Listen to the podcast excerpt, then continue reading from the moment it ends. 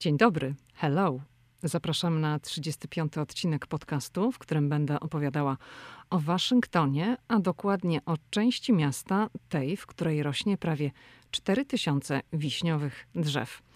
Teraz, gdy nagrywam ten podcast, jest po 20 marca i Waszyngton tonie w różowych i białych kwiatach. To naprawdę najpiękniejszy czas w roku w stolicy USA. I dziś w tym podcaście ty razem ze mną przenosisz się do takiego wiosennego Waszyngtonu. Lidia Krawczuk. Ameryka i ja. Kiedy zaczynałam moją pracę w radiu, powtarzano nam, że radio to jest teatr wyobraźni. Czasy się oczywiście zmieniły, każde radio ma stronę internetową, dziennikarze już nie są zazwyczaj tylko głosami, bo są ich zdjęcia w sieci, są filmy wideo. No, każdy wie, jak to wygląda. Jak ja wyglądam, to też można zobaczyć, prawda? Tak, jak ktoś jest ciekawy, to na moim blogu są moje zdjęcia na Instagramie, także nie ma tutaj już żadnej tajemnicy. Na moim blogu Ameryka i ja. I na Instagramie też to się wszystko nazywa Ameryka i ja.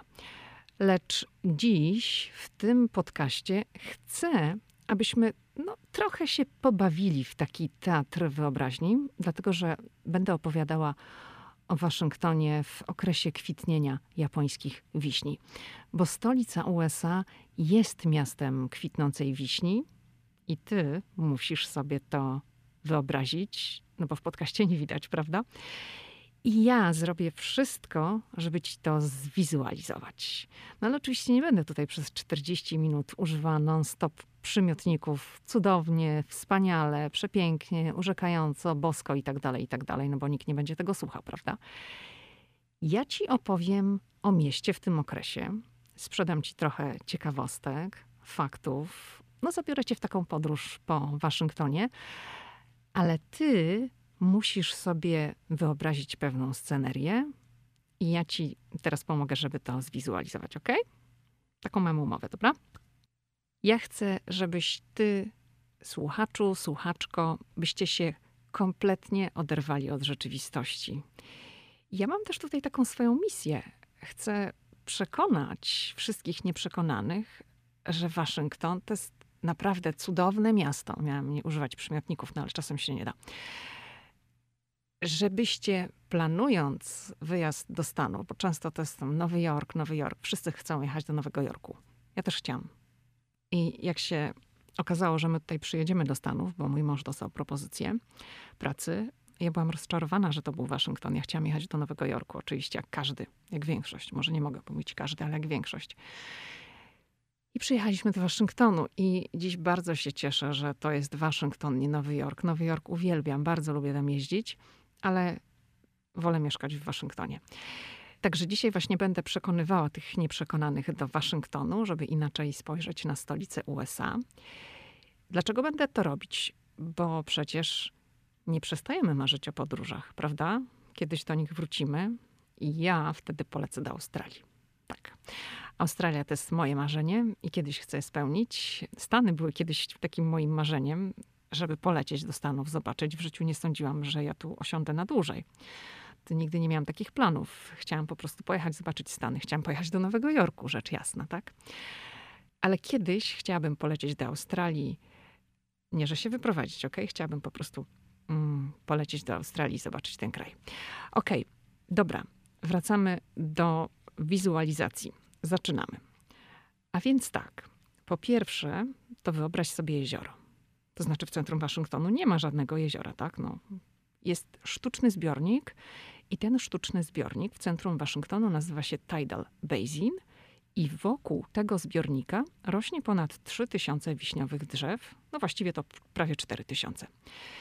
Więc ty wyobraź sobie spore jezioro, no spory zbiornik wodny. Umówmy się, że będziemy sobie wyobrażać jezioro, ale takie, które możesz objąć w całości wzrokiem, takie, którego przejście dookoła zajmie ci jakoś tam dwie godziny, może nawet dłużej. Wyobraź sobie, że dookoła całego jeziora jest ścieżka z betonowych płyt do spacerowania. No, w niektórych miejscach są barierki i dookoła wody rosną japońskie wiśnie i kwitną na różowo i na biało. Więc dookoła całego jeziora zaszeleściłam papierem, bo jak mówię, to macham rękoma i zahaczyłam ręką kartkę.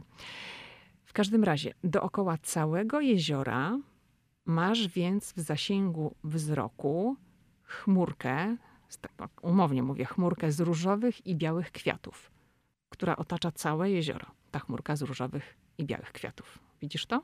Ja widzę. Ale nie zapominaj, że jesteśmy w Waszyngtonie, więc gdzieś tam w wyobraźni weź sobie wstaw za kwitnącymi drzewami monument Waszyngtona w tle. Monument Waszyngtona to jest ten strzelisty obelisk, taki jak egipski. Ma prawie 170 metrów wysokości, czyli jest bardzo wysoki. No myślę, że kojarzysz go na pewno z filmów, w których akcja dzieje się w Waszyngtonie. Na pewno go kojarzysz. A jeśli mnie obserwujesz na Instagramie, to na bank kojarzysz monument Waszyngtona ze zdjęć u mnie. Także no myślę, że jesteśmy w domu, tak? Mam nadzieję, że widzisz to oczyma wyobraźni, czyli spore jezioro, dookoła ścieżka spacerowa i tysiące drzew kwitnących na różowo i biało. I monument w tle.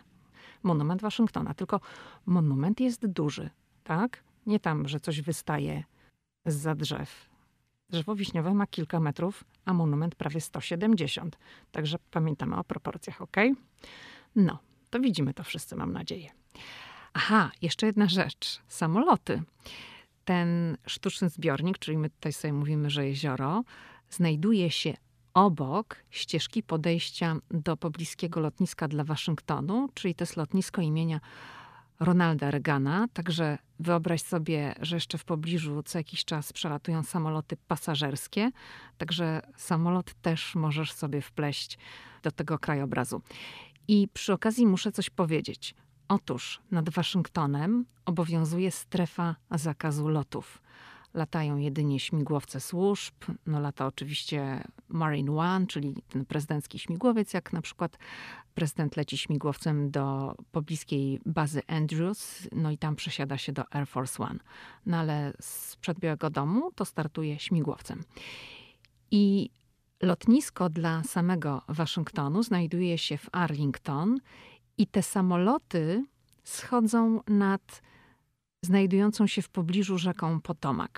Także no tutaj samoloty też sobie wpisujemy w ten krajobraz przy Tidal Basin, lecz one nie lecą nad samym zbiornikiem, są w pobliżu, ale widać je bardzo dokładnie, doskonale, widać jaki to jest przewoźnik, widać kolory.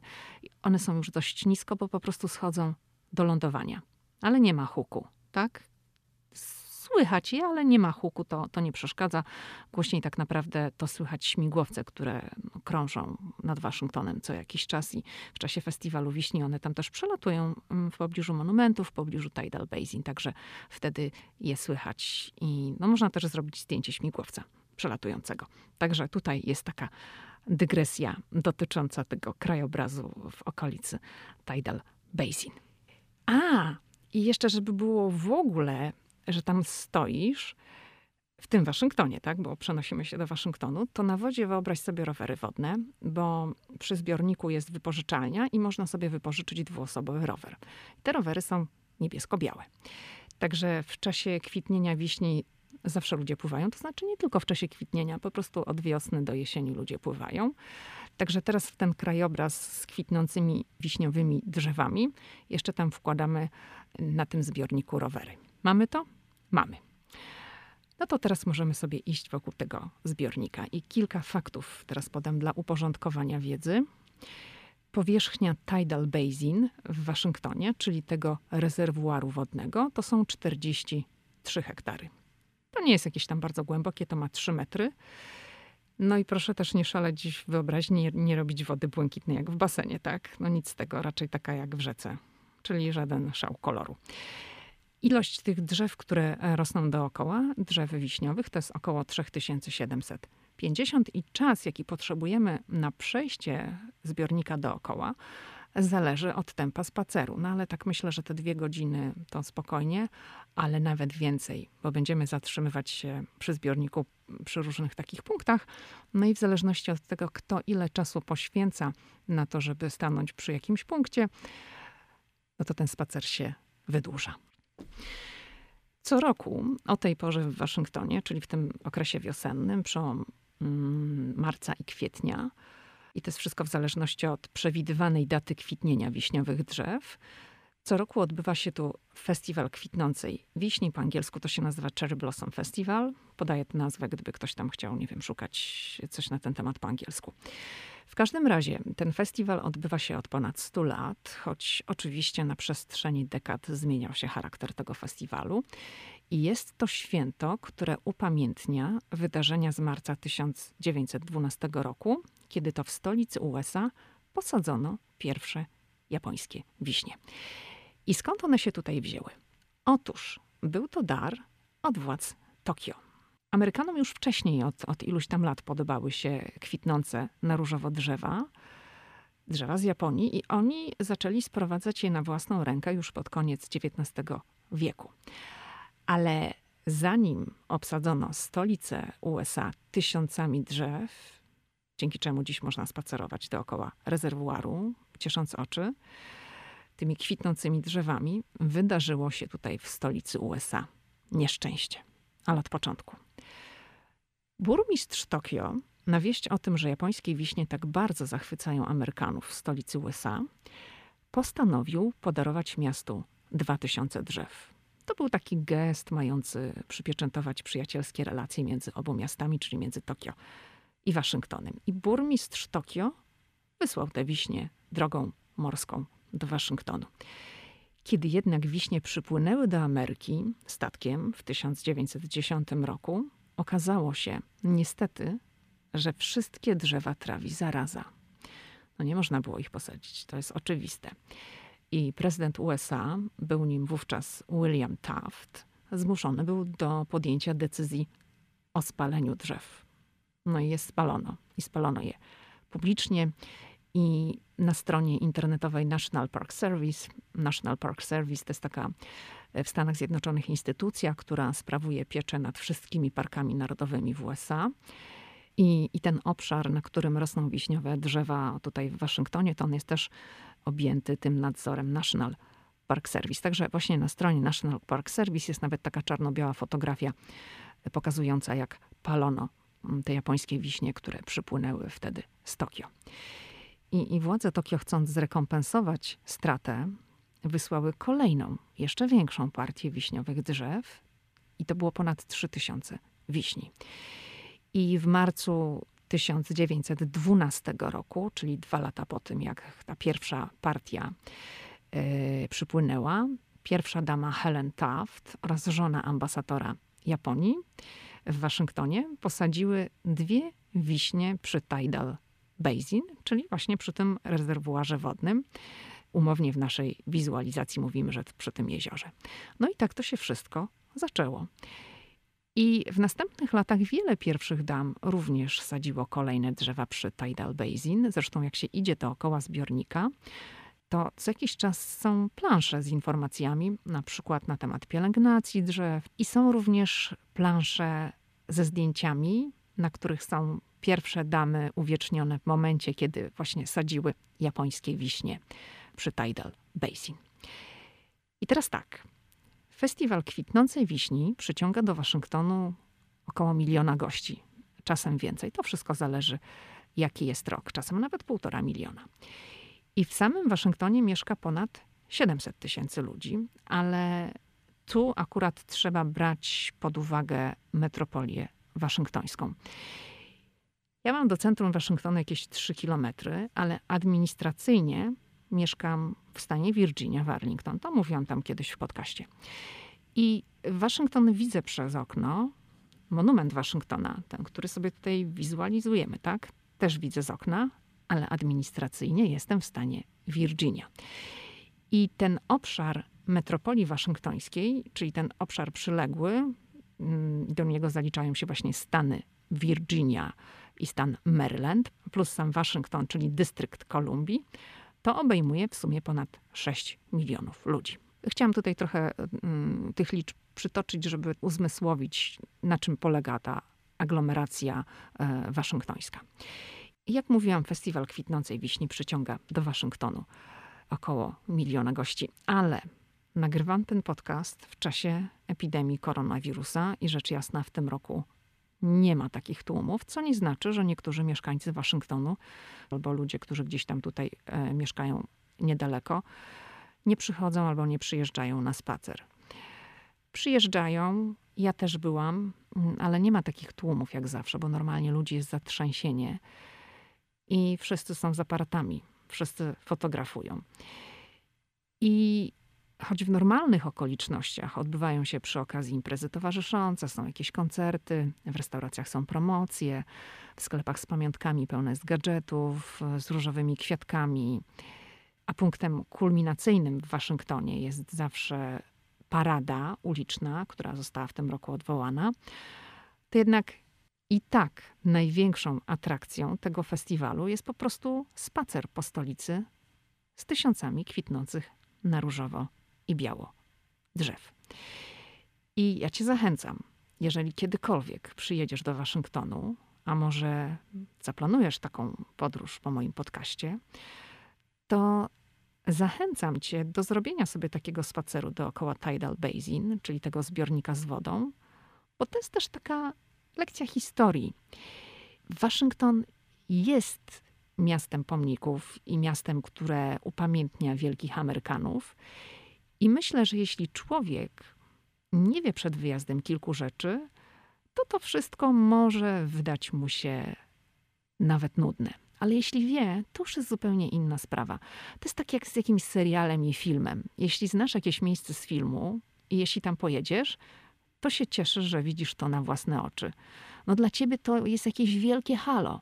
Dla kogoś, kto nie widział filmu, jakiejś sceny z konkretnym miejscem, nie wiem, może być jakaś ławka, jakiś plener, no to dla ciebie to jest wielkie halo. Dla kogoś ee, ławka jak ławka, nie? A dla ciebie ja cię sunąć tam na tej ławce, nie? Tam jakaś akcja się toczyła. Zatem mm, przy Tidal Basin, czyli dookoła zbiornika, wokół którego posadzono wiśnie, stoją monumenty dedykowane prezydentom Franklinowi Delano Rooseveltowi i Thomasowi Jeffersonowi, a także Martinowi Lutherowi Kingowi, czyli zamordowanemu w 1968 roku działaczowi na rzecz równouprawnienia Afroamerykanów i zniesienia dyskryminacji rasowej. I ten dzisiejszy podcast jest dla mnie doskonałym pretekstem, by zatrzymać się właśnie przy tych kilku miejscach przy Tidal Basin. I pierwsze takie miejsce to jest rzeźba przedstawiająca Martina Luthera Kinga. To jest najnowszy z pomników przy rezerwuarze. On został odsłonięty w 2011 roku. Wtedy w tym odsłonięciu brał udział Barack Obama, czyli pierwszy czarnoskóry prezydent USA. I to jest tak naprawdę płaskorzeźba z białego granitu, która ma 9 metrów wysokości. Płaskorzeźba z białego granitu, jak to rozumieć? No także mm, wyobraź sobie prostopadłościan. Duży, no takich kilka razy duży jak ty, tak? I teraz pewnie niektórzy mówią, o matko, matko, prostopadłościan. Um, prostokąt, tak, tylko ze ścianami. I na jednej ścianie tego pomnika mm, wyrzeźbiona jest postać Martina Luthera Kinga. On jest tutaj przedstawiony w taki sposób, że stoi z rękoma splecionymi na wysokości piersi. Jest w garniturze, w koszuli i w krawacie. Tylko nie szalejemy wyobraźni, tak? To jest, przypominam, rzeźba wykonana w białym granicie, czyli wszystko jest białe. I dookoła rzeźby jest duży, przestronny plac, i on jest oczywiście w otoczeniu wiśniowych drzew. I w tym miejscu jest dużo ludzi przez cały rok, e, zwłaszcza sporo Afroamerykanów. E, a jak jest Dzień Martina Luthera Kinga, to święto przypada w styczniu, to jest święto federalne, czyli wtedy szkoły i wiele instytucji jest zamkniętych. To wtedy przy pomniku też jest dużo ludzi, zwłaszcza właśnie Afroamerykanów.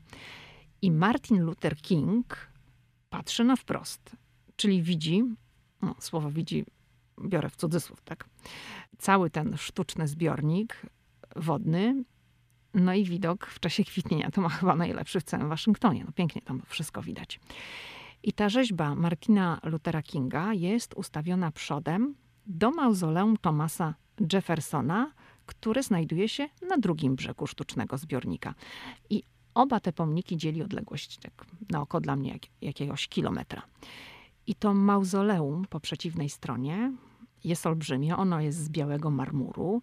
To jest taka monumentalna, okrągła budowla z wielkim dachem w kształcie kopuły i ten dach przytrzymują, dookoła jest mnóstwo wielkich białych kolumn. I w środku stoi prawie sześciometrowy posąg upamiętniający trzeciego prezydenta Stanów Zjednoczonych, czyli Thomasa Jeffersona. To był prezydent w latach 1801-1809. I ta budowla to jest właśnie Jefferson Memorial. Tam można wejść do środka i podejść do posągu i oczywiście wszyscy to robią. Do tej budowli prowadzą takie bardzo szerokie schody. One są z marmuru. I bardzo wiele osób no, przesiaduje na tych schodach. Tam ciągle są ludzie. Można sobie po prostu posiedzieć, odpocząć. Widać cały zbiornik. No i wiadomo, w okresie kwitnienia wiśni to tam jeszcze więcej jest ludzi, tak? No bo wtedy można sobie fajnie całe Tidal Basin oglądać i widzieć te kwitnące na różowo i, i białe drzewa. I jak się usiądzie na tych schodach albo stanie tak już na samej górze tych schodów, to w linii prostej widać Biały Dom. To on jest daleko, tak? Ale jak się mm, właśnie pójdzie tak na, na szczyt schodów, to widać Biały Dom. I sam Jefferson, to powiem przy okazji, to jest ciekawa postać. To jest prezydent, który miał takie dwie słabości. I tymi słabościami było dobre jedzenie i ogród. I Jefferson uwielbiał warzywa, miał swoje grządki, miał taki notatnik, w którym wszystko skrupulatnie zapisywał, co i kiedy posadził, jak to rosło i wreszcie jaki był plon. I Jefferson eksperymentował mm, z roślinami, nawet tam o nim się mówi, że to jest prezydent ogrodnik.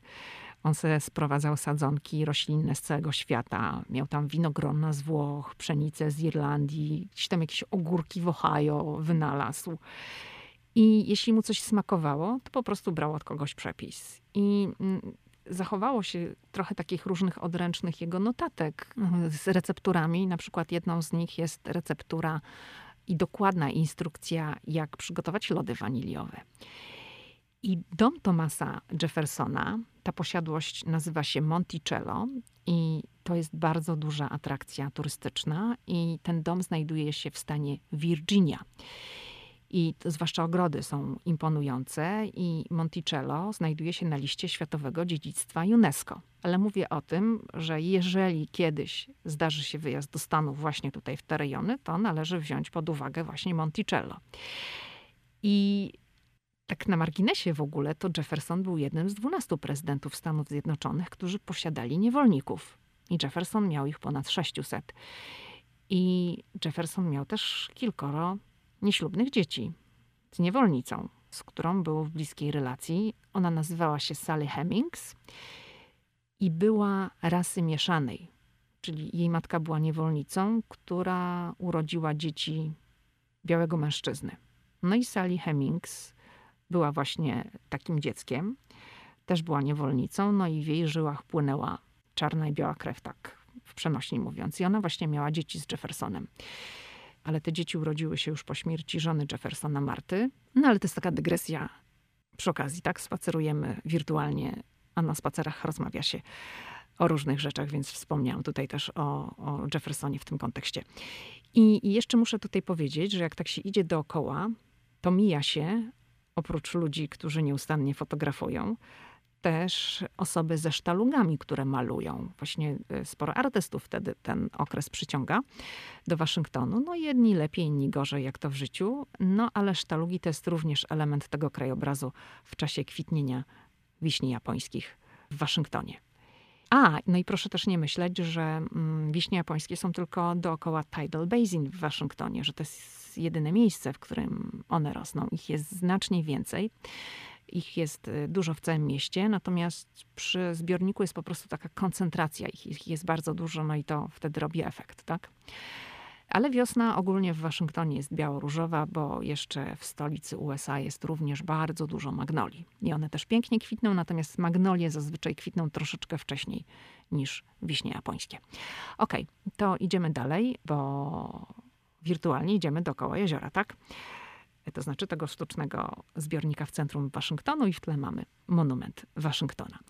I teraz idziemy do miejsca dedykowanego Franklinowi Delano Rooseveltowi, czyli prezydentowi USA w latach 1933-45 i to był jedyny prezydent Stanów Zjednoczonych, który pełnił urząd tak długo. Potem już wprowadzono zasadę dwóch kadencji. I miejsce dedykowane Franklinowi Delano Rooseveltowi to jest właściwie cały teren parkowy, ponieważ prezydent nie jest upamiętniony jednym posągiem czy jakąś tam jedną budowlą z popiersiem. Na tę koncepcję składa się wiele elementów. To są kamienne tablice z cytatami, są fontanny, jest posąg prezydenta z psem, czy w końcu Roosevelt na wózku dla niepełnosprawnych. I ten projekt wzbudzał kontrowersje. Za życia Roosevelta nie pokazywano go na wózku, no ukrywano jego niepełnosprawność. I historycy i ludzie walczący z ograniczeniami nawoływali jednak, by no, przedstawiać go takim, jakim był. I, i też podkreślać przy okazji, że no, słabość w poruszaniu nie była przeszkodą w skutecznym pełnieniu funkcji. Także ta statua na wózku została dodana do pozostałych elementów no, kilka lat później, w 2001 roku, bo to w latach 90. ten park dedykowany prezydentowi e, Delano Rooseveltowi został właśnie przy Tidal Basin otwarty. I jeszcze tutaj chcę wrócić do mm, posągu prezydenta Roosevelta z psem. To jest posąg z brązu. E, Roosevelt siedzi na krześle okryty wielką peleryną, a obok, tak w odległości około metra, stoi taka rzeźba psa. I to jest właśnie pies prezydenta Franklina Delano Roosevelta, szkocki terrier, który wabił się Fala. I Fala to jest jeden z najsłynniejszych prezydenckich psów w USA. Ona wzbudza wielką ciekawość. W mediach się o niej pisało i sam prezydent, jak również pierwsza dama, czyli Eleanor Roosevelt, też o Fali często wspominali. Fala w ogóle podróżowała dużo z Rooseveltem. No była taką psią gwiazdą i prasa w tamtym czasie ją uwielbiała. I widziałam nawet takie historyczne zdjęcie, jak Roosevelt jechał na swoją inaugurację. To fala wskoczyła do samochodu i też chciała jechać. No ale trzeba było ją usunąć z tego samochodu. Już Roosevelt nie chciał jej brać na inaugurację. Także taki to był prezydencki pies, zresztą jedyny, który jest upamiętniony pomnikiem w Waszyngtonie. Okej, okay. no ale to też nie jest tak, że upamiętniony jest prezydent pies, a pierwsza dama nie. Eleanor Roosevelt też jest, lecz może nawet nie jako pierwsza dama, ale jako pierwsza delegatka Stanów Zjednoczonych w ONZ. I czytałam taką książkę o Białym Domu. Ta książka moim zdaniem nie ukazała się w polskim przekładzie. Próbowałam szukać, ale nie znalazłam informacji, więc chyba się nie ukazała. Tytuł tej książki, angielski tytuł tej książki brzmi Upstairs at the White House: My Life with the First Ladies. I to jest książka napisana przez człowieka, który był szefem personelu w Białym Domu, ale takiego personelu, który zajmuje się utrzymaniem rezydencji, czyli tam pokojówki, kamerdynerzy, panie, które zajmują się kwiatami i, i tym wszystkim, co wiąże się z utrzymaniem, dekorowaniem Białego Domu. I ta funkcja takiej osoby nadzorującej tego typu personel oficjalnie nazywa się White House Usher. I tu muszę zaznaczyć, że w Białym Domu istnieje też takie stanowisko, które nazywa się White House Chief of Staff, ale to jest szef personelu skupionego wokół prezydenta i to jest takie polityczne stanowisko, tak to nazwijmy. Natomiast White House Usher zarządza ludźmi, którzy nie zajmują się politycznym, urzędowym aspektem, a takim bardziej organizacyjnym, porządkowym. I to jest też tak właśnie tutaj chcę zwrócić uwagę, że jak następuje zmiana władzy, czyli prezydent kończy swoją kadencję i przychodzi inny, to chief of staff się oczywiście zmienia, tak, no bo tego szefa personelu wybiera sobie prezydent. I on się zmienia i wiele osób z personelu również się zmienia. Natomiast ludzie, którzy zajmują się utrzymaniem Białego Domu, to pracują dalej i, i nikt ich nie wymienia w związku ze zmianą władzy. Także oni tam po kilkanaście albo nawet kilka dekad w Białym Domu pracują. No ale to tak na marginesie mówię, żeby tutaj zaznaczyć, jakie kompetencje ma Chief of Staff, a jakie White House Usher. I J.B. West napisał w tej książce, że w czasach, gdy w Białym Domu mieszkali Rooseveltowie, to Biały Dom był niczym Grand Hotel, bo drzwi się w nim nie zamykały od rana do nocy, tyle przewijało się przez Biały Dom ludzi. Było dużo herbatek, było dużo spotkań, przyjęć i niektórzy goście, według właśnie e, tego autora, mieszkali w Białym Domu miesiącami. I taka towarzyska była przede wszystkim e, pierwsza dama Eleanor Roosevelt, i miała ponoć bardzo dużo energii, bardzo dużo wigoru i ciągle po prostu otaczała się ludźmi. I J.B. West napisał, że prezydent Franklin Delano Roosevelt kolekcjonował książki, a jego żona ludzi. To znaczy, że po prostu było zawsze wokół niej mnóstwo ludzi. Ale to taka dygresja, książka jest bardzo ciekawa. No i właśnie przy Tidal Basin Eleanor Roosevelt też jest właśnie upamiętniona i to jest jej posąg no, z brązu. I dookoła rzecz jasna rośnie mnóstwo wiśniowych drzew, jest biało i różowo. I ty to widzisz, prawda? I jak będziemy sobie tak iść e, dookoła zbiornika, to trafimy też na miejsce ze sceną. I no tak, odbywają się tutaj różne występy, no ale umówmy się, to nie są jakieś gwiazdy, tak? To są czasem dzieci, czasem młodzież, czasem są seniorzy. No jak ten, tam człowiek stanie i sobie posłucha, to czasem mu się przypomina zdanie, e, śpiewać każdy może trochę lepiej lub trochę gorzej, bo to idealnie tutaj pasuje, ale nikomu to nie przeszkadza. Wszyscy się bardzo dobrze bawią, bo atmosfera jest piknikowa. Zresztą część ludzi robi sobie e, pikniki pod drzewami w miejscach, gdzie jest to możliwe, to znaczy tam, gdzie jest po prostu wystarczająco dużo miejsca, a są takie tereny przy Tidal Basin, gdzie można sobie po prostu koc położyć i sobie piknikować i bardzo wiele osób tak robi. Jest zawsze też przy Tidal Basin punkt gastronomiczny. To nie jest żadne wielkie halo, to jest po prostu pod namiotami. Y, są papierowe tacki, plastikowe sztućce, no i amerykański fast food. Naprawdę nic specjalnego. No ale i tak wszyscy tam zawsze jest kolejka, bo jak się przejdzie dookoła, no to, no to człowiek trochę zgłodnieje, tak? I ma ochotę coś sobie kupić do jedzenia i tam wszyscy stoją i kupują.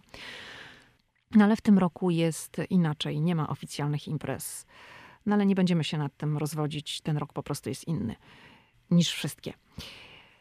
Mam nadzieję, że udało Ci się trochę oderwać na chwilę od codziennych trosk, że taka mm, wycieczka po Waszyngtonie była choć na moment jakąś odskocznią.